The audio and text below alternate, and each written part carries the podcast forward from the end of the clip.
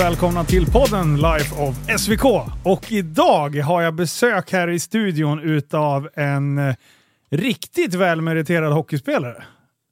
Är det det jag ska kalla det som? Ja, hy hyfsat i alla fall. Hyfsat. Välkommen Jonathan Hedström. tackar, tackar. Tackar, tackar. Du, eh, eh, jag brukar alltid börja fråga lite hur, hur vi känner varandra eller om vi känner varandra. Och jag känner ju ändå att vi känner varandra på konst, något konstigt sätt. Ja, exakt. Hur, hur skulle du beskriva den situationen? Eh, ja, eh, återigen, jag bott i Västerås i ett och ett halvt år ungefär. Ja. Eh, Inte längre ändå? nej, faktiskt. fan. Men eh, däremot så är jag gift eh, med Helena som du gick i samma klass som. Ja, Så exakt. på den vägen var det. Eh, och när vi då skulle gifta oss så tänkte jag så här, du vet klassiskt, vad ska man åka för bil? Ja. Ska man åka någon gammal sunkig Nissan eller? Och då, genom att jag alltid haft RS6 som favoritbil, Ja. så sa jag till Lena, kan vi inte fråga Linus? ja.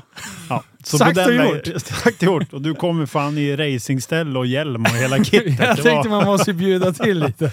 ja, det var magiskt. Det var kul att få vara med på eran dag. Eh, och som sagt, Helena, vi, jag gick i samma klass som henne, sjuan, åttan, nian. Och vi hängde ihop eh, bra där. Alltså, vi var ju, det var- ett litet gäng där som körde. Så det, ja, det var väl nog min tajtaste polare i sjuan, åttan, nian. Coolt. Ja, så det är jättekul att, eh, att ni har funnit varandra. Och på Ja. den vägen så är du här nu. Ja. Eh, men eh, jag, eh, som sagt, jag nämnde ju att du, att du eh, har lirat lite hockey.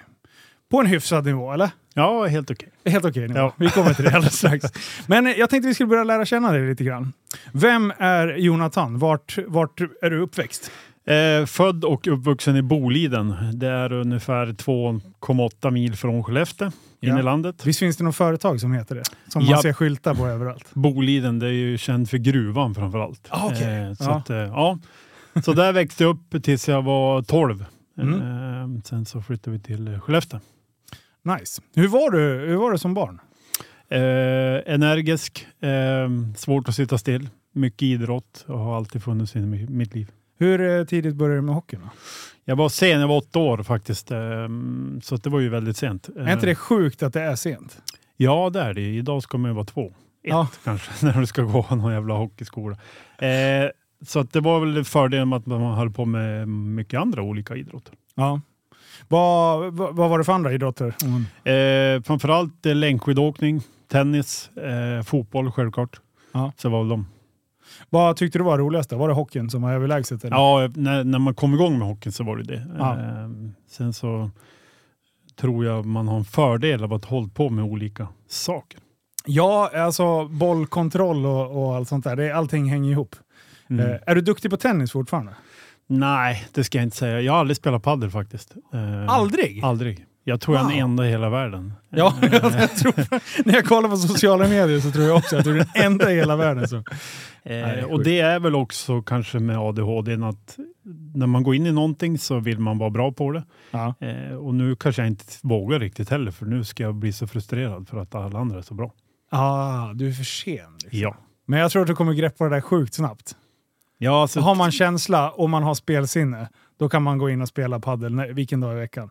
Det är inte så svårt att slå alla gånger, det gäller bara att läsa spelet. ja, det är det. Exakt. Tennis känns mer som en teknisk sport på att slagen ändå måste sitta. Liksom. Ja, exakt. Och sen är det ju, jag menar servarna kan ju vara avgörande. I padel är det ju inte oftast en serv, så det är på ett annat sätt. Ja. Ja, vi får nästan dra ihop eh, någon tennissession, för jag har aldrig spelat tennis. Jag spelade tennis hemma, när man var tio barre hemma på um, området vi, med, ute på Vallby, där vi höll på och. Eh, men jag har aldrig spelat tennis på riktigt. Och nu, jag har fastnat i Facebook-träsket. Eh, Facebook så här, shorts och grejer. Eh, det är bara tennisklipp som kommer. Jag är helt besatt tydligen av tennis. Och det är sjuka att jag klickar ju på de där jävlarna. Eh, och eh, alltså Federer, vilken jävla Nadal. Alltså vilka spelare. Ja, man sjukt. fattar inte hur bra de är. Alltså. Ja, bra, Ja, det- men då lovar du mig att vi ska spela tennis någon Ja, absolut. Så kanske vi får köra premiärpaddelrundan. Fan. Ja, Ja, absolut. men eh, du nämnde ADHD där. Mm. Vad Är det någonting som har följt med dig hela tiden? Har du misstänkt att det har funnits med i bakgrunden? För du har ingen färdig diagnos på papper. Nej, exakt. Eh, du vet, klassiskt kunde aldrig sitta still, men man var väl ett ja, myror i brallorna som det kallas. Eh, somna på lektioner. Har varit extremt bra på det jag har tagit mig an, men det andra har jag totalt ointresserad av. Och det är väl nu egentligen sista åren som jag har förstått att jag kanske har det. Ja. Eh, med hockeyn var det så bra för då fick man ut eh, ja, men du vet, kickar och aggressioner och vad det än var.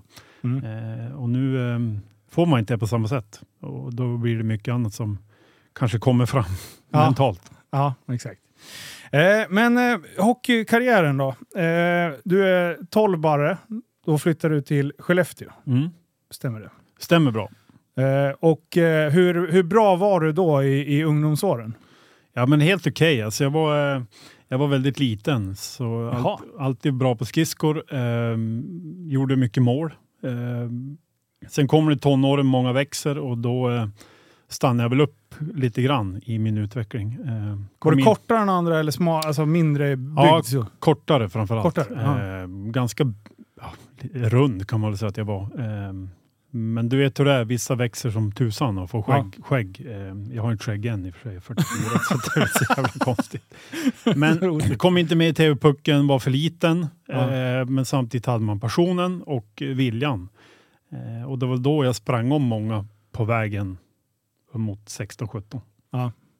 Eh, vad, hur eh, tog man det, för vi pratade lite om det innan, just hur viktigt eller hur mycket man har liksom lagt fokus på att komma med i TV-pucken och, eh, och de länslagen. Liksom. Mm. Vad, hur tog du den motgången? Nej men det var okej. Det var som inte samma eh, hås på den tiden heller tycker jag. Nej, Utan då, man fick ju ändå vara kvar i klubben eller man kom in på hockeygymnasiet. Så att, eh, självklart var det så här, shit det hade varit roligt men det var egentligen ingenting jag, när jag tänkte tillbaka så var det ingenting jag... Nej, okej. Nej. Eh, därifrån då? Vad, när, när började du bli riktigt vass? Eh, ja men det blev väl där vid typ vid 17. Så eh, man kollar mycket NHL. Eh, fick Wendell Clark som idol. Eh, som åkte och tacklas. Det var på den vägen som att jag, ja, eh, folk började få upp ögonen. Hur var det som spelare fram till den här perioden? Jag var ju extremt Ehm, teknisk, eh, mycket på så vis. Men sen när jag adderade tacklingar och spelade mer fysiskt så, så blev det ju otroligt mycket bättre. Ja. Var du en tuff spelare?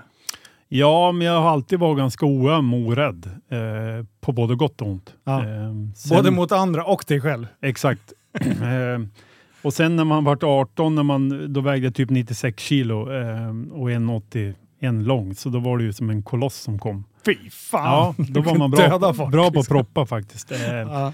Ehm, sen fick jag ätstörning när jag var 17 och tappade ja, 14-15 kilo, så då vart man ju mer snabb igen. Vad va, det, det, när du nämner ätstörningar, där, va, hur, varför kom just det då, vid den åldern?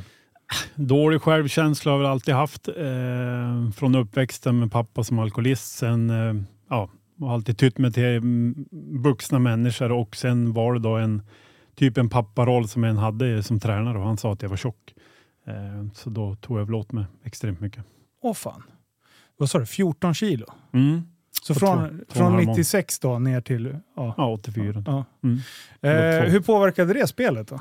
Eh, jag varit ju jävligt snabb. Alltså Ja. mycket snabbare. Samtidigt så eh, tappar man ju kanske i närkampsspelet. Ja. Eh, men sen har jag legat hela min karriär runt 88, 89 kilo. Så att det har ju varit en, en bra vikt. 96 var ju för mycket men det hade kanske varit bättre att gått ner på en sundare väg. Från, eh, från det då, vad, vart tog du vägen sen? Eh, jag gnuggade i Skellefteå tills jag var 20. Ja. Eh, sen vart det Luleå, Och Skellefteå då, då var det allsvenskan? allsvenskan, division 1 Mm, och A. Yes. Sen kom jag till Luleå när jag var 21 och då var det ju eh, elitserien eller SHL. Då. Ja. Så det var ju som då jag blev Hur var det steget? Eh, Det är ändå det högsta du kan spela i Sverige. Liksom. Ja, men det, det var okej. Eh, sen var det mycket att lära sig självklart. Ja. Ehm, men jag vet Ulf Tavla sa, vår tränare, sa att Jonte är väldigt osvensk. För jag har ju alltid gått min egen väg. Ska man åka vänster har jag alltid åkt höger. Ja. Men det kanske är smartast också. En tränares mardröm. Ja, det, Båga man, höger! Bara, nej, Ja. vad fan! det var så lite grann. Ja. Eh, han var ju galen ibland. För att om en vänsterforward skulle hålla i första övningen, man skulle starta så åkte jag alltid fel. Okej. Eh, men det kanske blev bra också.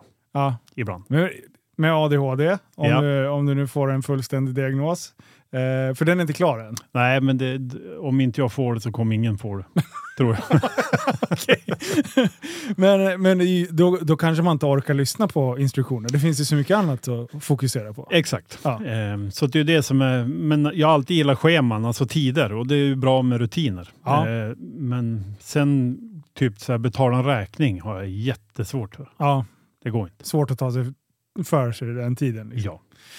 Eh, och hur, eh, hur gick de två säsongerna? Gick de bra? ja, det gick jättebra. Jag fick även spela landslaget. Ehm, så det gick jättebra, absolut. Så du gjorde landslagsdebut som 20-21 år? Ja, 22 år var jag då. 22. Så träningslandskamp. Ehm, så det var ju fantastiskt.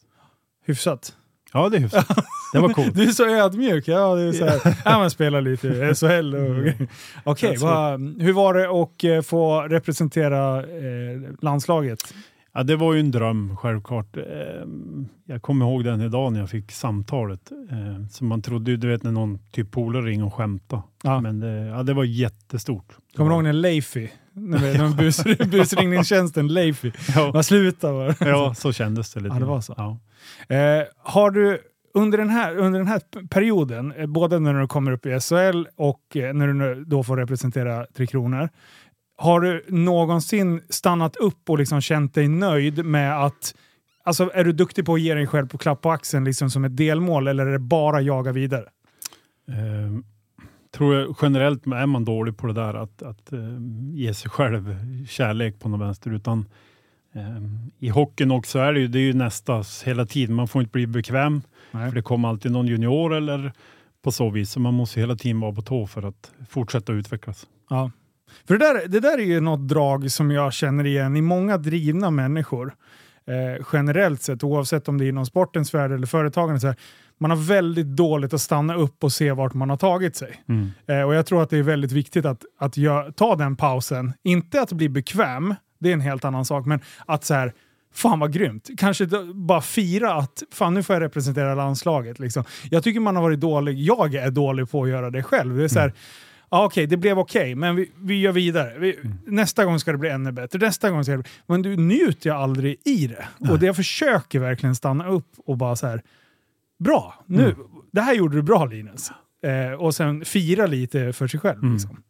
Det tror jag är jätteviktigt som du säger, men jag tänker bara på en sån här grej, när man, allt man har sett, allt man fått uppleva, alla städer man fått vara. Eh, men ta kort, alltså bara såna det är ju enkla grejer egentligen. Ja. Men då är man så inne i det så man, man, man tänker sig. Men idag hade det varit fantastiskt att haft ja, men, kort eller... Kommer du ihåg när vi var där? Ja, det ja. hade ju varit svinhäftigt. ja. Den här staden, ja, man har en fin ishall. Exakt. Alla platser man har varit Hotell. på i Sverige. Hotellrum. Hotell och ishallar. Jag kommer Ja, ihåg det från juniortiden. Det är liksom, ja men där har jag varit. Ja. Bara, ja var det en fin stad? Ja ishallen var helt okej. Noll koll liksom. ja, exakt. Ja. Eh, men eh, efter det då, då är du 22 bast. Eh, får göra debut och då är du fortfarande kvar i Skellefteå. I Luleå. I Luleå. förlåt. Luleå. Ja. Och då blev jag draftad av eh, Toronto när jag var 18. Mm. Eh, sen blev jag bortbytt till Dax Anaheim. Eh, och då får jag ett samtal av agenten att de vill signa mig. Coolt. Och då är jag 23 och då tänker man så här, shit, ska jag nu åka över? Och jag förstod väl ganska snabbt att jag skulle få spela i farmaligan, Ja. AHL. Men i alla fall så signar vi ett år. Jag och min dåvarande fru åker över. Och det var ju svinhäftigt att bara få uppleva ja, USA. Det var ju en gigantisk skillnad generellt. Om du tar, du ändå spelade högsta i, Sven, i Sverige och kommer över till AHL då, farmaligan. Alltså hur är hockeyn generellt sett? Alltså hur, hur mycket hockey lever de där borta? Alltså det är ju hockey vissa städer. Alltså om man tänker Cincinnati var väl inte så där jätte, jätte eh, hypat. Men när du kom typ till Chicago eller Detroit, alltså sådana här hockeystäder så var det ju packat även på AHL-matcher. Coolt. Eh, Men jag lärde mig extremt mycket. Eh, Sen hade jag ju Tony Morton som en annan svensk så det var ju eh, också skönt att man har någon svensk att, att surra med då och då. Mm. Hur gick den säsongen då? Spelmässigt och... Gick bra. Det gick bra. Jag fick en klubba i ögat så jag missade 30 matcher. Men annars gick det bra. Jag, jag gjorde väl 40 poäng på jag vet, inte, 50 matcher. där. Så det- Mm. Men det gick bra alltså, hockeymässigt, det var det absolut. Vad, vad hände? Fick du en klubba i ögat? Klubbspets eh, av eh, en fighter som heter Rocky Thompson, världens skönaste namn. Eh, Ja. Han var livsfarlig. Eh, och det var inte meningen så, utan jag dribblade han på blå och han fick upp klubban i i, eh, i ögat. Fick du några men från det tänkte jag säga? Nedsatt? eller? Ja, alltså jag har väl det, men det är ingenting jag märker så här. Ehm, så att ehm, jag hade tur. Ja, för fan, ögonen är ju bra att ha med sig. Ja, det kan vara bra. Eh, speciellt när man håller på och sportar och idrottar. I en så pass farlig fysisk sport som hockey så kan det vara bra att se om det kommer några jävla ånglok. Liksom. Verkligen. Eh, och efter det då? Då blev det tillbaka till Sverige? Ja, exakt. Ett år där borta. Ehm, fantastiskt år. Djurgården hörde av sig. Eh, alltid var mitt favoritlag. Mm. Och då hamnade jag i Djurgården och det var ju en fantastisk säsong. Eh, fick spela VM det året också. Ehm, så det var, det var svincoolt att spela i Djurgården, det måste jag säga. Hur eh, är det att säga att man har Djurgården som favoritlag när man har din dialekt? Ja, det är lite, lite speciellt är det. Framförallt när man är ute och föreläser. Så när man är i Norrland så blir det ju inte eh, så poppis. Men det är alltid någon som håller på Djurgården. Så är Ja.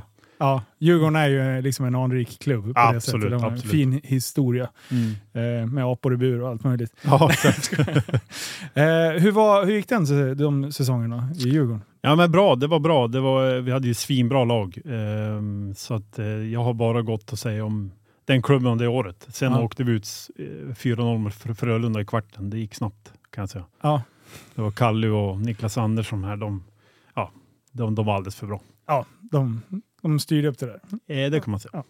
Eh, hur länge var det där? Två säsonger? Ett år. Ett år? Och sen vart det ju Timrå året efter och då var det den här lockouten som var i Sverige när alla proffs eh, var hemma i Sverige. Just och det det. var ju helt fantastiskt år. Lyfte, lyfte kvaliteten på SHL lite grann? Ja, helt galet alltså. Vet, kom till Mora. En sunkig hall på så vis tycker Ja. man ju. Men det var ju fullsatt. Det var Hossabröder och det var Färjestad Warszawa. Alltså vilket jävla monster alltså. Ja. Det sjukaste jag varit med ja, just det. Han, han la skridskorna på hyllan Nu. för två dagar sedan. Nu, Ja. Eh, vad fan är han? Är han 2,10? Ja, 207 tror jag och 207. väger väl 106. Han har typ inte en fettknutte på kroppen. Det, det är ett monster alltså. Det, det, är- Alltså. det är sjukt. hur, mycket vägde han sa du? Ja, 106. 106. Wow! Han måste ju vara typ så här, ja, då är han ju över 2,10 med skridskor liksom. Ja, alltså, det är ett monster alltså. Ja. Men jättesnäll. Alltså, Ja. tur det. Ja. Han, han kan ju döda folk Ja. omedvetet och medvetet. Ja. Eh, men eh, lockouten då? Det var, för, om det är någon som är totalt ointresserad inom hockey, det var en, eh, NHL och NHLPA, heter Mm. de, va? det är spelarförbundet. Mm. Nej, jo. Ja, Eh, de var inte överens om prissättningar och sånt. Eh, vilket gjorde att NHL låg ner i en säsong, en och en Ja. halv ish, Ja. där någonstans. Mm. Och då kom det ju massa bra spelare över och spela i... Ja, fantastiskt. Ja. Det var ju ehm, helt, det var ju som lilla NHL egentligen. Ja. Det var ju, varje lag hade ju tre, fyra NHL-spelare. Ja, det var coolt alltså. Ja, det var svincoolt. Och så mycket historia man har från den tiden. Det var helt, vi hade ju Micke Kiprosov, en eh, finsk målvakt, ja, spelade. Calgary. Ehm, så han pratade engelska hela året. Sen sista veckan sa han, fan grabbar jag förstår allt ni säger. Jag bara, fan kan du svenska? ja, ja, han det är ganska bra gjort. Alltså. Va, kunde han det sig innan? Ja, han pratar flytande svenska, men pratar bara engelska hela året. Och ni visste inte att han kunde Nej, jag hade svenska? inte en aning. Så Va- vi pratade varför? alltid engelska, så han var ju så här stört skön alltså. eh, måndag, dagen före derby mot Modo, alltså Foppa och de här. Ja. Knackar på dörren och står Kimi Räikkönen där. En någon hyfsat känd eh, Ja, Formel 1-kille. han är hyfsad på att ratta Ja, bil. liten, världens minsta kille. Ja. Och du vet, två finnar ihop brukar inte bli så bra alkoholmässigt. så dagen efter har vi värvning klockan 10 och Micka är ju klappkanon alltså, på värvningen. Alltså. Eh, och då tänkte vi så här, det här är ju inte okej. Alltså han fattar som inte så här, det är derby, då måste man vara skärpt. Ja, ja, värvningen går ut, han tar inte en jävla puck på värvningen. Han åker hem och sover av sig ruset, kommer tillbaka då när vi har återsamling klockan fem. Ja. Eh, så alla säger, hur är det med, med, med Micka? Då säger Björn, våra Mattis, gå in i bastun och kolla. Ja. Det är så här, fan sitter han i bastun två timmar innan? Då satt han med hela utrustningen. Okej, bara för att svetta ur sig? Ja, ben, hela utrustningen satt han. Alltså. Med, till och med med hjälm. Och tänkte så, det här är ju slag. Det stank sprit för fan. Eh, gå ut på matchen. Vi vinner matchen med 5-0. Han håller nollan, karljäveln. Alltså. Alltså, Det är det sjukaste jag varit med om. Alltså. jag vet inte vad vi ska läsa ut av det här. Att, Nej, det är inget bra. Nej. Alltså, jag vet att alkohol är inget bra, men, men återigen så händer det såna här saker. alltså, vilken jävla talang. Ja, det vi- kan man Det kan vi summera. Att, men det roligaste Wow. händer då efter. ja. Eh, och då är det så här, när man vinner ett derby, man bor i Sundsvall, det är som att alla krogar, allting öppnar ju. Så att det var ju fest självklart på kvällen.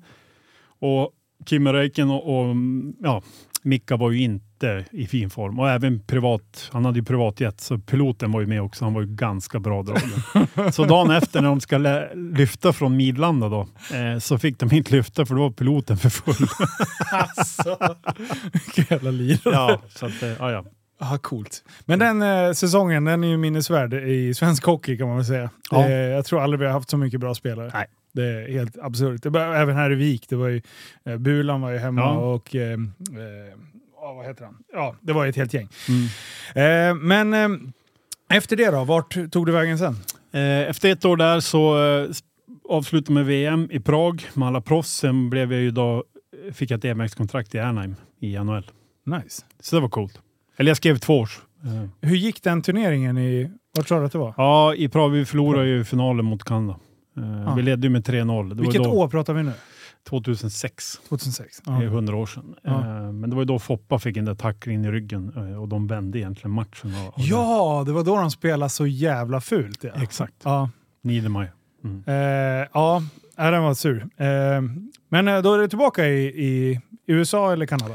USA, Anaheim Mighty Ducks, eh, Kalifornien, fantastiskt klimat. Eh, ja, snittar runt 18 minuter per match. Spelar med Samuel Paulsson. Eh, så att vi, eh, livet var bra. Ja. Hur har det varit då med, med eh, ätstörningar och liksom ditt mående under de här åren som vi inte har varit inne på? Har det Bra, funkat bra? mycket bra. Ja. Eh, oftast är det så här, mår du bra mentalt, då presterar du bra också. Eh, så att det, det funkar bra. Sen så hade vi invägning varje måndag ju i NHL eh, och då hade jag gått upp ett kilo då fick jag straffåka inför hela laget. Och då var det någonting som klickade i mitt huvud. Vad, men invägning, vad- ett kilo på, på en vecka, det är ju egentligen ingenting. Nej, det är ju Jag noll. kan ju gå upp från fredag morgon om jag väger mig till söndag kväll. Ja, Det kan ju liksom, bara man käkar lite, ett par goda måltider så kan man ju gå upp tre kilo. Liksom. ja Inga väts- konstigheter. vätska eller Ja. ja.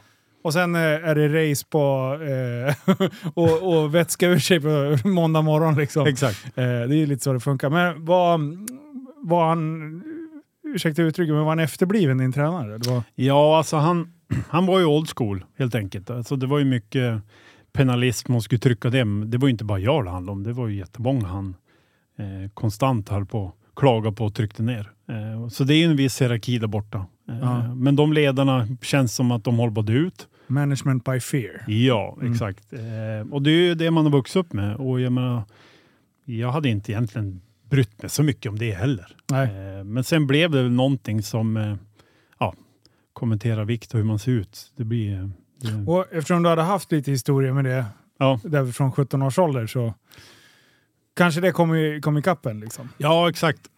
Sen efteråt nu tänker man ju så här, vad fan, bajs. För att eh, året efter vann de ju Stanley Cup. Eh, Ah. så, så jag hade ju två års kontrakt och bröt efter ett år. Ja. Vad, hur, hur illa tog det då? Med, för du, du droppade i vikt där igen va? Ja, 17 kilo på två och en halv månad. Fy fan. Är hur ju- reagerade liksom, laget? Det är ju ändå någon som betalar din lön och måste ju ta hand om dig. Liksom. Ja, men det är inte så det är där borta lite grann. Det är ju... Eh, Vinn eller försvinn. Ja, men det, det står så många på kö, förstår du? Alltså Ja. det, eh, de har ju hjälp mycket med alkohol och droger. Då kan man få hjälp. Men det här är ju också, många vet inte hur man ska hantera det. Eh, okunskap. Så att det var mer så här, fan du är bra form. Eh, men man tappar man försöker nya kostymer och allting. För att det var ju som, ja, såg ju för jävligt ut. Ja. Vad, hur, vad var, på vilket sätt åt du, eller åt du inte, för att ändå tappa den volymen? Alltså börjar du träna hårdare? Det går ju inte att träna hårdare än vad man gör kanske där borta, men hoppade du över att äta eller? Ja. Jag tog bort mat, eh, vart extremt eh, noggrann eh, generellt i kosten. Tog bort alla kolhydrater. Eh, och det vet vi hur det funkar. Okej om jag ska springa ett långlopp det annars, men när man ska spela hockey som är 30-40 sekunder max, då, eh, då går det inte. Då behöver du eh, kolhydrater. Ja, så är det. Det får folk säga vad de vill. Nu det är fasta inne och det, man ska inte äta kolhydrater och det, ja, man dör i stort sett om du vet. Men ehm, pröva att spela hockey utan kolhydrater. Ja, det, Det går inte. Jag tror inte huvudet är med än. För Nej, att eh, hjärnan... Eh, eh, hjärnans energi kommer ju från kolhydraterna dessutom. Eh, så jag menar, du är, inte, är du inte snabb i skallen när du spelar hockey, då kan du lika gärna sätta dig på bänken. Liksom. För det var så här, det vart lite inne då också. Peter Sikora som har vunnit två Stanley Cup, eh, en tjeck som har gjort över tusen matcher. Han körde också någon jävla, tog bort kolhydraterna. Eh, till slut svimmade han i omklädningsrummet. Jaha. Eh, så att det var, du vet ju det är med de här dieterna. Det kommer och går, man ska inte äta. Ja. Vad pratar vi för år? ja, det var då 2000, när jag var där. Han var i samma lag. Eh, och, och Vilket han, år pratar vi då? 2000, Eh, två- eh, 2007. 2007? Ja. Och då vart det också jättekonstigt. Tänkte, vad fan håller han på med? Alltså, han vart också så jättesmal. Eh, så vi kickade som in, jag och han. Vi tränade mycket tillsammans och han vart extremt noggrann med kosten. Men sen svimmade han bara i omklädningsrummet en dag. Eh, så de trodde ju att han hade fått du vet, hjärtinfarkt eller något. Men då var det ju också att han var ju tom också på, på bensin. Fan vad sjukt. Det är sjukt. Men eh, så den, den säsongen, du bröt kontraktet då? Efter, jag var ju där hela, hela säsongen var där. Eh, sen bröt jag kontaktet för jag sa att jag kommer inte överleva om jag är kvar. Nej. Och samma år var det OS 2006 eller, i, Turin när Sverige Ja. vann OS-guld. Eh, och det var ju tanken att jag skulle vara med. Eh, men när Bengt-Åke, coachen, ser mig, han kom över och hälsade på. Då sa han bara, fan hur mår du? Eh, så han såg ju också att det var bara ett skelett. Eh, ja, eh, var, vart, eh, hur, hur repade du från för just den grejen då? Alltså mm, hockeymässigt? Hockeymässigt kom jag hem till Timrå då. Jag bröt efter ett år, skrev tre år i Timrå. Ehm, första året gick bra. Dels var man hemma och lite trygghet. Ehm, Ja. Samma tränare, det funkar bra. Sen år två så kom Challe Bellund in. Ehm, det blev inget bra, vi funkar inte ihop. Ehm, och sen bröt jag kontraktet. Och åkte till Ryssland. Ah, du har spelat Ryssland också? Arasha, with love. Fy fan, vilket lag? CSKA Moskva, armélaget, alltså Krutov och alla de här. Ja. Ehm, Hur Så att- fan var det?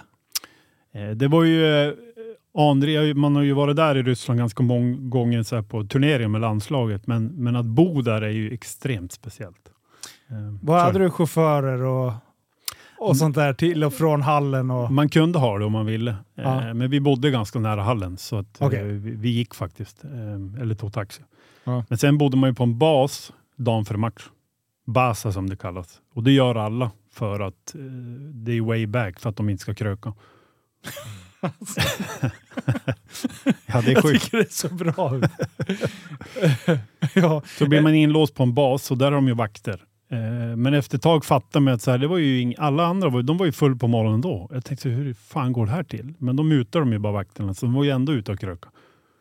Att, allt är muta i Ryssland, det är ett tragiskt land. Eh, Men då fattar man ju inte på samma sätt som, ja, som idag generellt. nej. nej, Ryssland är ju som sagt lite på, på agendan. Ja, det kan man lugnt säga. Eh, och eh, det kommer väl fram mer vad, vad, det är ju ett, det är ett skevt samhälle. Ja, Eh, vidrigt. och som du säger med korruption och det, du kan betala dig till mycket. Ja, och det är ju som nu också med de här killarna som är kvar och lirar. Det är ju det som man blir... Ja, jag vet inte. Var- Vart har man känslan för alla andra människor? Det är bara pengar det handlar om. Jag, jag fattar att det är mycket pengar, det är inte det jag säger, men eh, jag, jag förstår inte hur man kan vara kvar där och lira. Nej, det, det, har ju, det har ju dividerats hemma med, med, med även basketspelare som Mm. har åkt över och eh, även ja, golf, men det Mm. hade ju inte med Ryssland kanske att göra.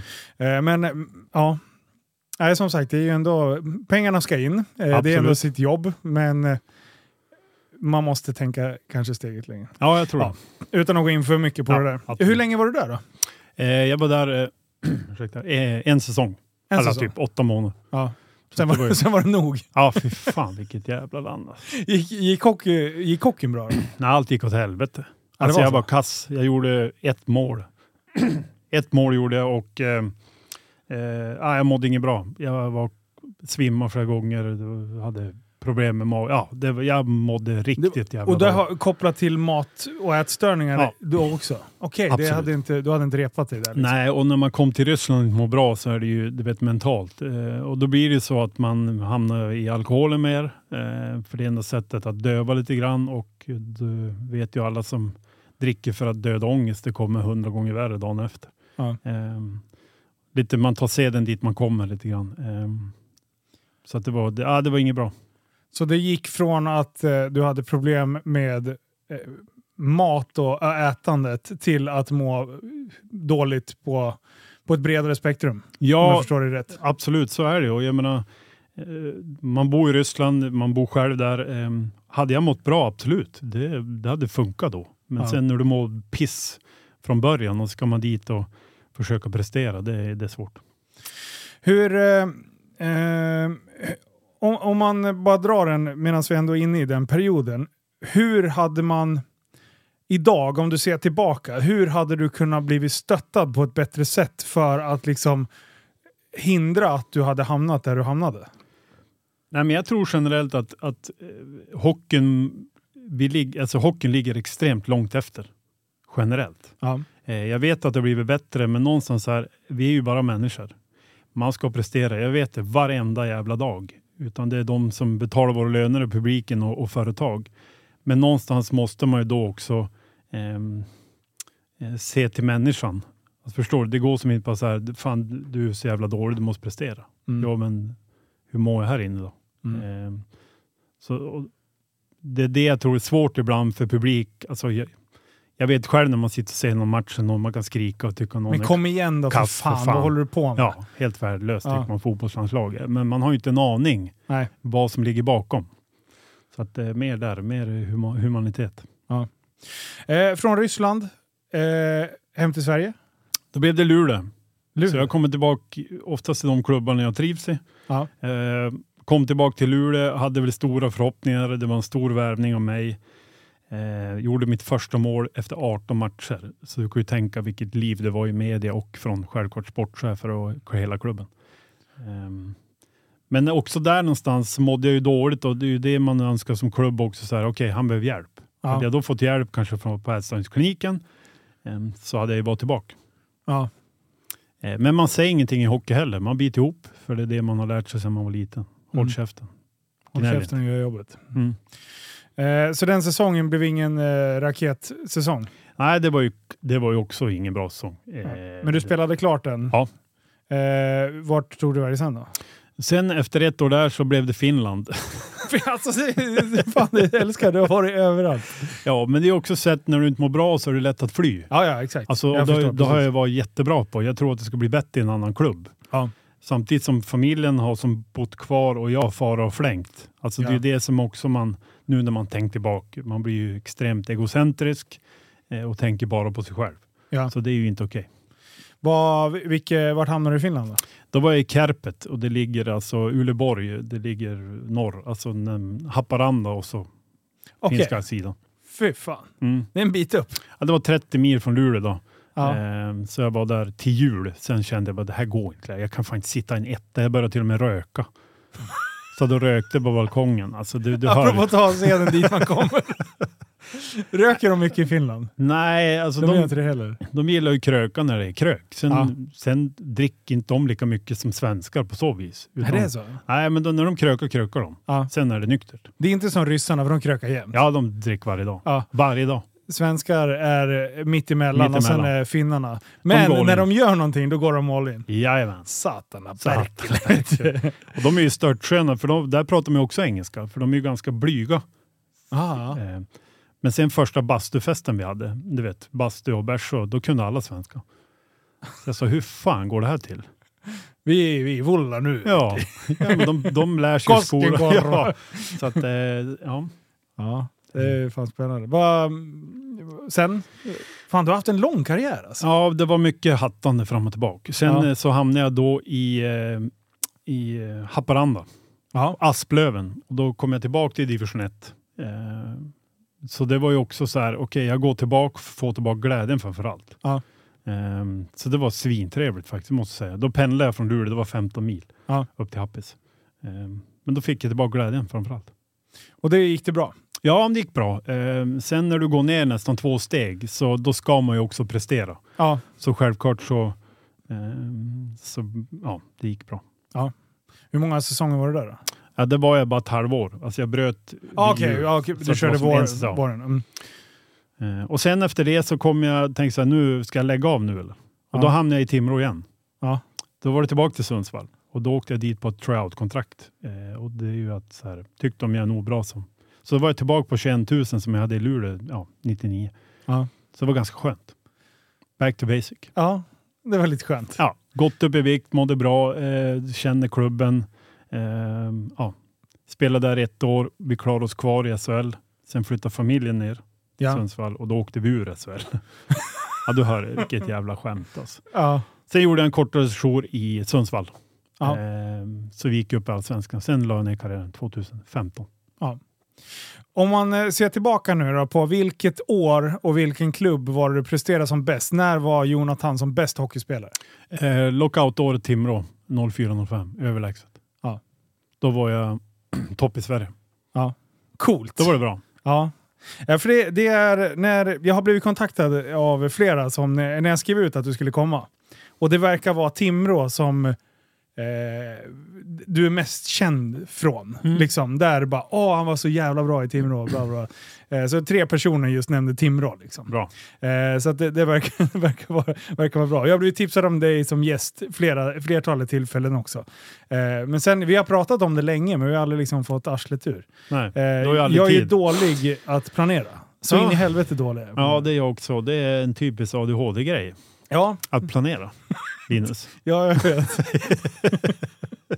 jag frågade faktiskt min eh, läkare. Eh, vad, men, eh, vad tycker du liksom? Jag, jag har funderat på en ADHD-utredning. Och han frågade så här. Alltså om jag skulle erbjuda dig eh, medicin eller liksom så. Mm. Skulle du ta det? Nej för fan. Absolut inte. För att jag tycker ändå att mitt liv funkar. Jag har Ja. absolut svårigheter i i vissa saker, men overall så funkar det väldigt, väldigt bra. Han Mm. bara, bra. Då behöver du inte heller ha det på papper. Du behöver inte gå igenom den här utredningen. Exakt. Liksom. Och jag bara, "Jaha, men om jag skulle göra en, vart skulle, vad tror du? Han trodde inte riktigt att jag skulle få en fullständig diagnos. Okej. Eh, han, han trodde, han bara, ja, men som jag känner det. Vi känner varandra lite grann Mm, privat mm, också. mm. Så att, eh, det är lite intressant. Men eh, vi ska faktiskt eh, ta eh, i Patreon efter vi har snackat klart här. Eh, vi är inte riktigt klara här än. Men eh, då ska vi prata lite om, eh, om din ADHD-utredning. För att du har stött på lite patrull. Ja, lite grann bara. Så vi ska få spy ur oss eh, i ett forum som inte är helt öppet. Okej. Eh, men eh, jag tänker att vi ska, vi, vi ska prata lite mer om just det, här, ätstörningar och eh, psykisk ohälsa inom idrotten. Eh, och kanske idrotten i allmänhet och hockey i synnerhet. Eh, hur, hur sticker hockeyn ut på, på den här machoskalan eh, kontra mot andra kanske idrotter? Om du har lite inblick i. Om, du åker runt och föreläser ska tilläggas. Ja. Eh, Ja men gud, alltså det är ju extremt mycket macho. Och jag, men jag, som jag alltid har sagt i fyra år, jag har varit en stor del av det här. Jag var en gris på plan. Jag har sagt så jävla sjuka saker till folk. Ehm, du vet, i strider. Under match eller Ja, liksom? absolut. I, under match. Utanför har jag, är jag en snäll människa. Jag är ingen, men när det är tävling så är det tävling och då är lite allt är tillåtet. Mm. Eh, men kulturen generellt är väl för de yngre nu. Alltså att ehm, ja, man tycker man är lite king shit ehm, Ja. på så vis. Och, ehm, ja, det är väl där. Och det är väl kulturen som du säger. Ja. Eh, när du säger att du har varit en del utav det, vad, när man är inne i det så är det ju ganska, känns det ganska naturligt. Ja, gud. Just där och då så är det liksom, det är så här det är. Mm. Och eh, jag kommer ju också, jag spelar ju ändå, eh, inte alls i närheten av samma nivå, men man ändå körde i superelit och, och Mm. spelade någon, eh, var med i truppen i Allsvenskan i Vik, eh, som junior då. Mm. Eh, och, och det är ju väldigt hårt. Mm. Och jag tror jag också var alldeles för mjuk eh, personlighetsmässigt för att liksom stå emot. En del var ju bara, de, det bara rann av dem som en gås. Mm. Men om det var någon som hade sagt att fan du gjorde ingen bra match, det där kunde sitta i och sen kunde det ligga och mala i bakhuvudet. Och då börjar man prestera sämre för att man börjar tänka vad man ska göra. Ja. Eh, och ett uttryck som jag gillade för att beskriva den där, det är ju kvicksandseffekten. Mm. Eh, har, du, eh, har du upplevt samma sak under din karriär? Att man, man försöker så mycket så det bara blir dåligt? ja, gud. eh, Hundra gånger. Ehm, och det tror jag vi alla känner igen oss när man håller på med en idrott. Men framförallt hockeyn som du säger. ehm, jag tror alla människor vill ha berömmelse och bekräftelse. Ehm, Sen handlar det om prestera. Ja, jag vet det, men vi hade Lill-Kenta Johansson i Timrå. Mm. Han höjde inte rösten en enda gång. Utan han var mer så här, bra Jonte, våga. Och vad händer då? Till slut sitter den där jävla dragningen. Men får du bara höra, hur fan kan du göra en dragning på blå där? Det är ju livsfarligt, det blir kontring. Ja. Så till slut slutar du göra det. Så han Ja. var ju fantastisk på att lyfta allihop. Och till slut gjorde jag saker som jag, typ jag gjorde kanske när jag var 12. Ja. När jag var för fan 36. Förstår du Ja. skillnaden? Alltså, men svar på din fråga, gud, hundra gånger har man ju åkt ner i kvicksanden.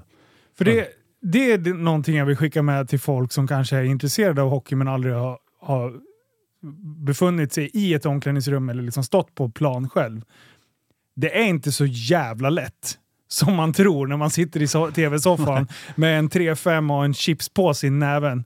Det, liksom sluta bara tro att, att en hockeyspelare är ute på plan för att sabba för sitt lag. Mm. För det är så det låter när man Ja, lyssnar på gud. läktaren. Alltså. Absolut, det är ju många läktarproffs. Ja. Och, och där är man ju bra själv också. Ja. Eh, och klassiskt är du, det var bättre för. Ja, ja, ja, jag vet, jag vet det. Eh, Men samtidigt, återigen, det, det går ju så otroligt snabbt i hockey. Och det är Ja. därför det är så coolt att se de här Peter Forsberg eller Crosby eller mm, de här bästa. Allt ser så lätt ut. Ja. Det är galet. Det är och när man frågar, spelar med Foppa någon VM-match och så här, shit vad bra du är. Han bara, ah, det var ingen bra idag. Man bara, nähä, Okej, när är du bra då? Tänker man. Alltså, helt överlägsen. Så det beror ju vilken nivå du är. Alltså, Mm. det spelar ingen roll vilken nivå du är på. Och det är Men, det, äh, jag tror, han har ju aldrig heller varit nöjd. Aldrig. Han, eh, Peter som, som person, han måste vara ganska... Jag, jag, har aldrig träffat honom, jag har bara hälsat på honom någon gång. så. Men min bild av honom är att han är en liten, lite av en surkuk. Mhm. Är det så?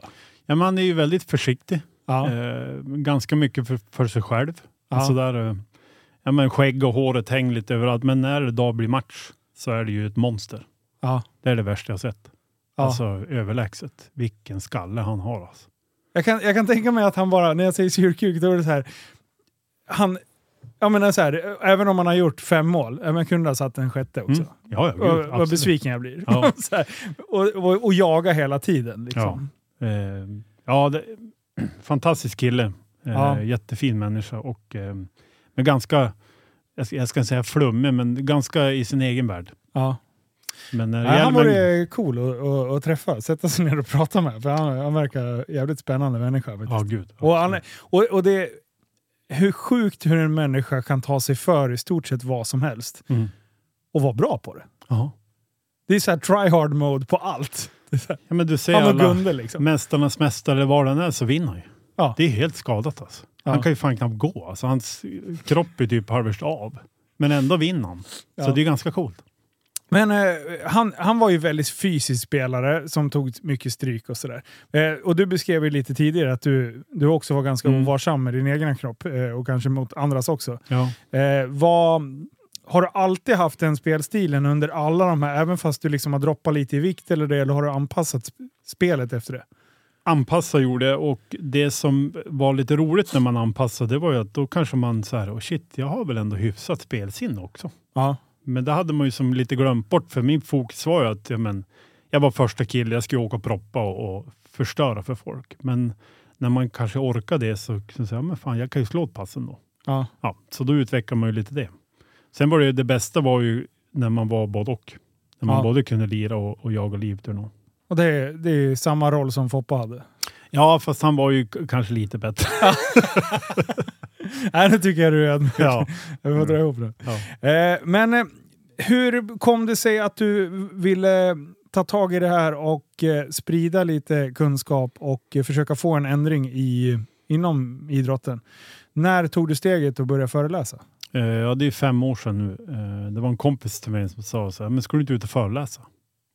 Och då tänkte man aldrig i hela mitt liv stå framför folk och prata om sig själv framför allt. Ja. Eh, men sen föll det sig ganska naturligt. Eh, sen har det ju varit eh, både upp och ner.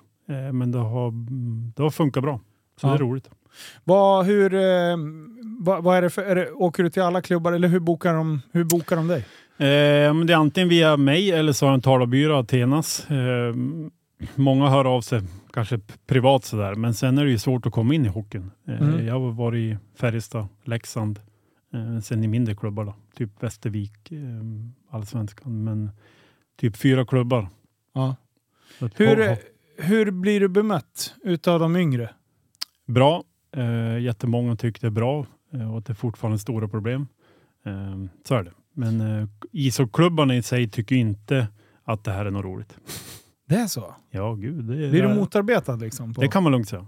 Det är mycket rädsla. Eh, återigen så pratar jag inte om... Jag älskar hockey, det är världens bästa sport. Eh, men jag pratar mer om att, eh, att vi som människor måste se inte bara prestationen utan människan bakom. Då tror jag vi skulle, många skulle bli mycket, mycket bättre. Eh, när du åker och föreläser, vad, hur, eh, hur lägger du upp en föreläsning? Vad, vilka ämnen tar du upp? Och, Jag pratar från barndomen eh, med alkoholism, eh, självkänsla, självbild. Eh, det har jag alltid kopplat ihop med självförtroende, men det är ju totalt ja, inte ens nära. Eh, sen berättar kan, vi, jag... kan vi bara bromsa upp där? För Mm. det, det, där, eh, det där försöker jag beskriva med jämna mellanrum också. Jag har alltid haft bra självförtroende men en värdelös självkänsla. Mm. Den börjar bli bättre efter man... Bara att man inser att det är så. Mm. Det. Men jag tänkte vi kanske kan hjälpa någon som sitter och lyssnar på det här nu. Absolut. Kan du förklara skillnaden? Ja, men självförtroende är ju någonting egentligen du gör, prestera. Ja. Eh, och självkänsla är ju dig själv, alltså hur man ser på sig själv. Eh, lätt, som om jag tar jag, lätt att klanka ner på mig själv, aldrig tillräcklig. Eh, även om jag har gjort tre mål så kunde, som säger, kunde jag gjort fyra. Mm. Man ser hela tiden misslyckande istället för hur långt man har kommit. Mm. Eh, Så självkänslan är absolut det viktigaste. Eh, eh, Och det, det, det är ju det här som man måste, eller jag gillar inte ordet måste, men försöka få in i ungdomar framför allt. Att säga, du duger som du är. Ja. Men idag är det så jävla vrickat som vi pratar om. TikTok, Insta, ja men allting. Mm. Eh, Så det är inte så konstigt att folk har dålig självbild. Nej, precis. Det blir ju extremt skevt när du får en massa människor som har lärt sig visa upp en sida eh, men känna något helt annat. Mm. Eh, och börjar de världarna gå alldeles för brett isär, då är du illa ute helt plötsligt. Ja, det går snabbt. Samtidigt så, som sagt, jag är ju en, blir ju en del av problemet i och med eh, sociala medier och, och sånt. Eh, jag försöker ju ändå visa upp, så här, man vill ju visa upp det folk vill se. Mm. Eh, jag försöker att visa upp eh, någonting som kan inspirera, motivera eh, människor att ta tag i saker eller göra saker. Å andra sidan så är det ingen som ser mina misslyckanden. Mm. Eh, för det första så vill man kanske inte fronta dem. Eh, jag pratar ju om det definitivt med typ, ja, men om vi tog, tog upp Patreon som ett exempel, där kan jag ju skratta åt, bara, vet du vad jag har gjort nu? Mm. Eh, för tok liksom. Eh, och samtidigt så kan jag ju prata med mina nära och kära, liksom, att de ser ju mina misslyckanden och bara “Hur Absolut. tänkte du där?” Ja. jag bara, ja, ja, vänta. Och det, är- det är ju bra att kunna ha sådana och ventilera, men samtidigt så vill man ju ändå visa det folk vill se. Mm. Samtidigt vill du inte sitta och gnälla utåt, för då vill ingen titta på det. Nej. Alltså det och då är jag ju en del av problemet. Jo, men om jag då, för att, så här, oberoende, Ja. eh, och nu är det inte bara för att jag sitter med dig, men om jag, om jag kollar på dina eh, inlägg, vad som så här, det som slår mig varje gång, man blir glad, för du är, du är positiv. Och du handlar, pratar, sitter inte och pratar om din kropp eller vad fan, ja, nu sitter jag och äter eh, du vet, så här, en, en bulle Ja. och sen går du och spyr. Förstår du? Ja, ja. Eh, Men du höll på att säga döda ting ibland, det är en bil. Alltså, ja. Förstå mig rätt, det, det, det är en jävla skillnad. Om vi tar Bianca Ingrosso. Mm. Hon som vi vet alla att hon har en extremt stor ätstörning i bulimi. ja. Hon lägger ut nakenbilder i stort sett och säger så här, nu flyger jag till eh, Italien. Mm. Okej. Men måste man göra det när du håller på att gå av eller? Tänk dig alla ungdomar, jag vet inte hur många miljoner hon har, som förstår det jag menar. Ja. Man kan stå där i säga, nu flyger jag till Italien. Det är en jävla skillnad, men hon gör det för att få bekräftelse. Ja. Att hon innerst inne inte mår bra. Okej, de pratar om att det är reklam hit och dit. Jo, men man måste tänka sig för när det gäller mot ungdomar, när det är kroppsligt. ja, det har du, det har du faktiskt rätt På så vis. Ja. Så det du gör är extremt positivt. Fortsätt, för det hjälper. Du, men du anordnar träffar och jättemycket roligt och positivt för många människor. Mm. Så jag tror det, och Bianca gör ett jättejobb på sina sätt också, men man måste vara försiktig. Ja. ja, precis. Eh, Overall så gör de ju ett fantastiskt jobb. Ja, Eh, och liksom driver på och sysselsätter bra mycket människor i Ja, arbetstillfällen och sådär. absolut. Men just den aspekten, den har jag faktiskt inte tänkt eh, riktigt på. Eh, men det är bra att du lyfter den. För det, nu ska jag, eh, jag brukar, så man ett frö, eh, då brukar jag gå och tänka på det där ett tag, så kommer jag komma med någon smart. Men jag tänker mer alltså från Ja, ätstörningsperspektivet precis. som, som jag vet. ehm, det är 20 procent i Sverige dör varje år i ätstörningar. Vi pratar inte ens om det. Det är den största psykiska, alltså överlägset. Okej. Det är helt sjukt egentligen. Åh fan. 20 procent. 20 procent av, av... Alltså, Alltså- de som blir ätstörda, alltså, äts, men 20 procent okej. dör i ätstörningar varje år i åh, Sverige. fan. Det är ju extremt mycket. I undernärdhet eller Ja. liksom i... i Exakt, det blir ju anorexia nervosa som det heter när du svälter själv. ja. Sen har du ju bulimi och att du har ju så mycket, men det, det är ju som det är ju isberg. Alltså förstår du vad jag menar? Ja. Det, det är en vidrig sjukdom. Ja. Men eh, vi, går, vi går vidare på hur du hade byggt en föreläsning. Förlåt, Mm, nu kommer mm. vi ifrån eh, Vi pratar själv, eh, självförtroende, självkänsla och sen, sen gick du vidare. Ja, sen Sen- pratar jag ju ja, men min uppväxt, TV-pucken, i och med att det är hockeyn. Ja. Eh, att det, det är okej att, att inte komma i TV-pucken, man kan bli bra ändå. För går vi tillbaka rent historiamässigt, de som är med i TV-pucken och de som lyckas, så är det typ jätteliten. Ja, alltså, jag var med i TV-pucken och jag har inte ens spelat NHL eller något. Nej, och det är många, många, många med dig. Jag tar Västerbotten 77, det är jag med. Det var typ en till som nådde SHL. Alltså, Ja. så man kan som inte se vem som ska bli bra när du är 15. Så eh, tipset är grinda på. Grinda på Mm, och njut. Eh, Men sen, eh, okej, prata om det och sen generellt om ledarskap, eh, vad jag tycker är en bra ledare. Sen eh, tycker vissa tvärtom självklart och det Ja. måste man få göra. Det är det som är det fina med ledarskap. Ja. Eh, du, kan, du kan ha två helt olika eh, filosofier, men ändå sy ihop det till ett bra ledarskap. Eh, även fast du har... Men, men det viktigaste är egentligen att se gruppen du har framför dig och anpassa, göra anpassningar för att det ska funka för olika individer i en grupp. Det sämsta jag har hört en ledare säga det är att jag behandlar alla lika. Åh, tjena. Det, för det är det sämsta du kan göra. Du Absolut. måste ju identifiera vad har jag för individer i gruppen. En del människor, ja, men som, som du, du vill ha tydliga rutiner. Mm. Medan sätter du tydliga rutiner för en, en person som är ganska strategiskt lagd, då tappar du ju förtroendet för att men jag vet hur jag ska göra min uppladdning. Mm, exakt. Alltså, det, det, och samma, samma sak när man driver företag och allting. Så här, jag, ibland när man står och hör människor bara, ah, men jag bara går in och sätter ner, slår näven i bordet och bara Tror du att du är en bra chef för att du är stenhård mot alla? Mm. Det funkar för en viss del som Ja. vill ha tydliga... Jag älskade ju hockeytränare som var superhårda. Eh. Mm. Jag gillade liksom att man ställde på krav på hela gruppen. Det är inte så här...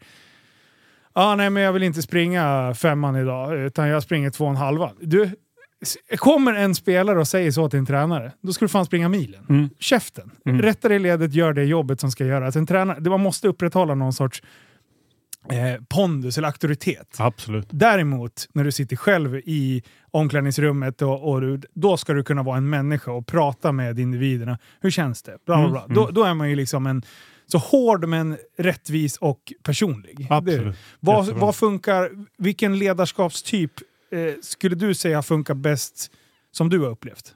Eh, de tränare som har sett människan, inte bara prestationen, har jag haft överlägset bäst eh, kontakt med och har än idag. Ja. Eh, och då menar jag, de har ställt sjukt höga krav på mig på planen. Men Ja. samtidigt på morgonen när man kom så här, är det bra? Mår frun bra? Mår barnen bra? Alltså, det behövs så lite. Ja. Det är små saker, det är inte så att de ska sitta och klappa mig på ryggen, det är inte det det handlar om. Men att eh, se människan bakom, inte bara det du presterar på is. Ja, det, är, det är intressant. Ledarskap, det kan man grotta sig Ja, Vi skulle gud. kunna köra tio poddar om bara ledarskap. Absolut.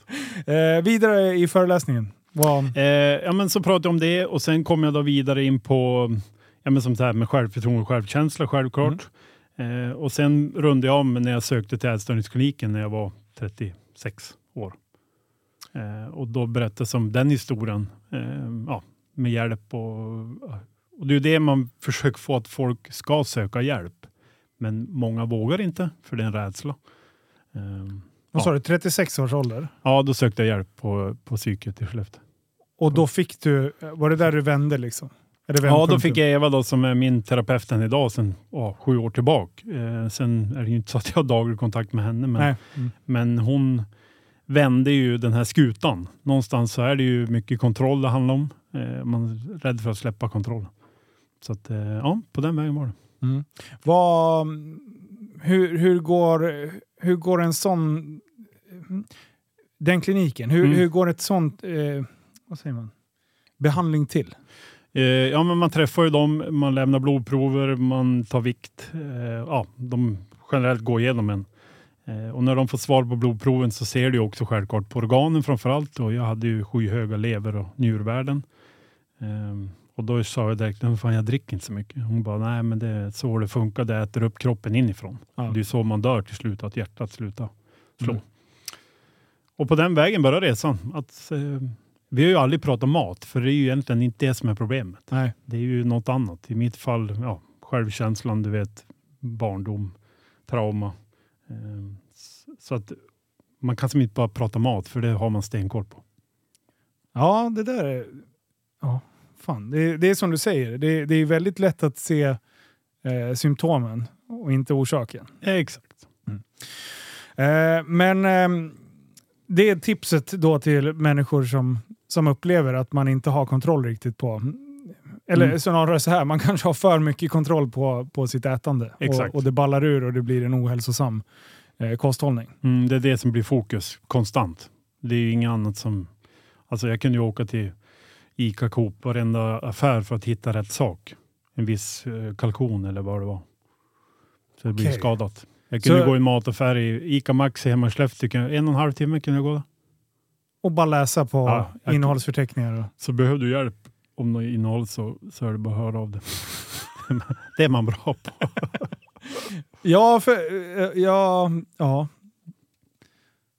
Det där, efter, efter hockeyn då, efter att du har lagt av. Hur, eh, hur, eh, för det är ändå generellt sett, om man, om man pratar en hockeyspelare. Mm. Man, man har ju liksom vant kroppen från väldigt unga år, från ditt fall liksom, från du var åtta år och, och förmodligen sporta innan. Du, du har ju liksom ett, ett ätmönster och en förbränning som är kanske dubbel mot en som inte är lika aktiv. Eh, och det där känner jag av fortfarande, för jag, jag började ju ganska tidigt jag också. Jag började med hockey när jag var 11, men eh, fotboll och det innan och alltid varit... Min förbränning fortfarande är ju på högvarv. Mm. Eh, men hungern är ju helt bedrövlig att ha att göra med. Eftersom jag har en för hög förbränning. Jag skulle ju kunna äta varannan timme. Och jag skulle Okej. kunna äta liksom kebab varannan timme och pizza varannan timme. Alltså jag, jag kan ju hetsäta å andra sidan. Ja. Eh, och, och sen så, alltså jag måste ju verkligen så här tänka till vad jag äter. För annars, jag, skulle, jag hade kunnat väga 150 kilo och bara balla ur totalt. Liksom. Jag, har, jag ställde frågan till grabbarna i eh, Tappad som barn-podden. Jag bara, om det skulle vara så att ni att kroppen kommer, eran kropp kommer vara i ett exemplariskt läge. Du kommer varken gå upp, du kommer varken gå ner, du kommer vara hälsosam.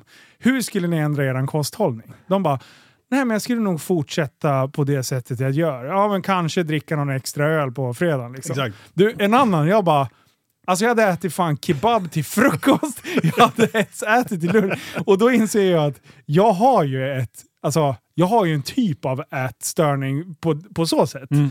Eh, samtidigt som jag håller i schack genom att ja, men jag, måste, jag tränar för att kunna äta. Exakt. Och, och jag håller formen ibland. Ibland tittar jag på mig själv och bara din jävla valross, nu får du skärpa dig. Och sen garvar jag. Däremot så måste man ju tänka till när barnen står bredvid. Mm. Och bara, vad är det där för jävla beteende? Stå i, i, i spegeln och, och klämma sig på magen och säga att du har blivit en valross. Liksom. Ja. Det är inget bra. Eh, nu har jag pratat med mina barn om att så här skämtar jag med mig själv för det är där jag hittar motivation till att fortsätta träna. Ja. Eh, däremot så hör jag ju hur jävla efterblivet det låter. eh, men eh, men så jag, jag tror att jag eh, faller in utan någon sorts avvikelse när det gäller mat. Ja, och det är väl olika sätt man har. Alltså, du vet hur det är. Man är stressad, så vissa äter ingenting. Nej. Eh, vissa dricker mer kaffe eller vissa vill äta. Så det, Ja. det är olika. Alltså, men det är ingen som kan säga det, det perfekta. Förstår Nej. du? Det, det finns inte. Nej. Vi Så är alla länge- olika. Så länge värdena ser bra ut och, och man liksom är... Man mår bra i kroppen. Ja, gud. Och jag, varje gång jag äter regelbundet och äter bra, alltså, och, förbränningen är på topp och man mår som en jävla chef. Mm. När man vaknar på morgonen är utvilad och bara du den här jävla dagen, nu Ja. kör vi! eh, och, och har jag hoppat över massa måltider och tryckt för stora, typ såhär, ja, men jag tar en kebabpizza liksom på kvällen. Man vaknar ju typ lite halvbakis. Ja, man mår ju inget bra. Nej. Så är det ju. Och sen bara, uh, så är man trött så hoppar man över den frukosten. Mm. Och sen håller man på att somna på förmiddagen. Och grabbarna frågar, ska du med och käka lunch? Står man där, ska jag käka dagens eller ska jag äta en, en kebabtallrik? Du blir en kebabtallrik till. Hoppar över och äter, äter sent på kvällen. Alltså då är man ju inne i det där. Ja. Och äta sällan, för sällan, det är då jag lägger på mig i alla fall. Mm. Eh, jag måste äta regelbundet. Då bara, kilorna bara rinner av mig. Så det det, får man nästan höja maten istället. Bara, nu måste jag äta lite mer. Och sen liksom. kanske du, du är väldigt aktiv generellt. Alltså, Ja, både i företaget och, och är hjärnan igång också. Du vet, det är inte bara att du går ut och går eller tränar. Utan den här är igång, ja, hjärnan, så är det ju, tas det ju också mer energi. Ja. Och det är det inte jag fattar. Jag fastnar ju lätt i så här, ja men fan nu ska jag fasta. Det är ju skitbra. De, de säger det. Ja. Och så säger Lena åt mig så här, du har, du ätit någonting? Ja. Vadå? Ja du vet, då blir man så Aha. här, vadå? Vad, vadå? Attack Ja, men alltså, fan, har du inte ätit lunch eller? Nej men det är bra fasta, det är bra för kroppen. Ja absolut, det kan ju vara bra men inte som gammal ätstörd. För då går jag in i en jävla, då är det Ah. all in. Ja, Det spelar ingen roll. Då kan det bli krig. Alltså, förstår jag, jag skämtar inte om krig, men det kan hända någonting. Så att du, det här sista målet inte får, ja men då har jag ju bestämt att jag ska fasta. Då Ja. är det så. Punkt slut. Så den här ADHD-utredningen. Den kommer eh, väldigt bra. eh, Den kommer framförallt, lägligt. framförallt för Helena som bor med mig. Hon håller på att bryta ihop. Hon, hon, det är hon som håller dig på mattan. Eh, ja. Ja, det är så. ja, det kan man lugnt säga. Du, vi ska hylla Helena nu. Ja, det, hon är värd eh, extremt mycket. Alltså, hennes tålamod är ju helt fantastiskt. Ja. Själv hade jag ju redan var borta. Jag hade ju sprungit för flera, flera månader. Men du, du kan ändå låsa dig vid, vid tankar redan idag. Det, det, på det sättet så är du, vad säger man, inte nu citationstecken Mm. frisk. Mm. Men, men alltså, beteendet sitter fortfarande kvar. Liksom. Så du måste hålla dig på mattan hela tiden och påminna dig själv om att det bästa är när man kommer till den här perioden när man kan skratta åt sig själv. Ja, det är nu, är jag, nu är jag tokig. Ja. Och man kan inse det. Jag liksom, Det är ganska skönt. Ja, det är skönt att komma dit. Men innan man kommer dit så blir man ju bara arg. Ja. Man tycker att alla andra är idioter. Sluta bara, jag har Ja. koll. Och Mm. oftast är det när man lägger över skulden på någon annan. Ja. Alltså, man tycker någon är dum eller jobbig. Det är ju, det är ju egentligen, alltså om du kollar på dig själv, det är ju jag som är problemet. Det är ju inte du eller Helena egentligen. Det är ju jag. Mm. Men du, eh, tack snälla. Vi ska fortsätta och köra ett litet eftersnack här på Patreon eh, och snacka lite, eh, lite mer jargong inom eh, svensk hockey Ja. och eh, även eh, svensk sjukvård och den här ADHD-utredningen. Tack snälla för att du kom hit. Tack. Tack och vill man signa en föreläsning av dig så är det lättast att ta kontakt på Instagram. Instagram eller mail jhedström71 snabla hotmail.com. Coolt. Du, tack snälla så hörs vi igen nästa gång.